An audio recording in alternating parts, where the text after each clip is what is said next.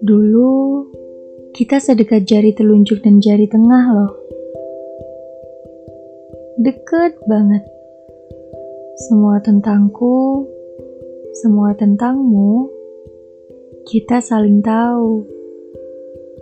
Segala macam cerita sedih, marah, kecewa, bahagia, kita juga saling tahu dan mengerti.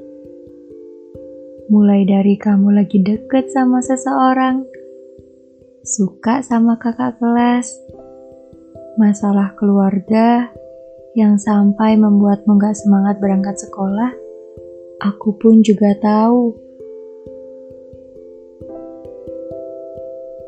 Di saat aku terpuruk, kamu ada untukku. Dan di saat kamu lemah, aku juga ada untukmu. Tapi itu dulu. Semua berubah saat kita sudah berada di lingkungan yang berbeda. Awalnya, kukira kesibukan dengan kegiatan masing-masing ini hanya sementara. Ternyata lama. Lama sekali. Sampai kita pada akhirnya hanya menjadi penonton story satu sama lain.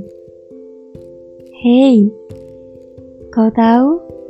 Aku rindu, sangat rindu.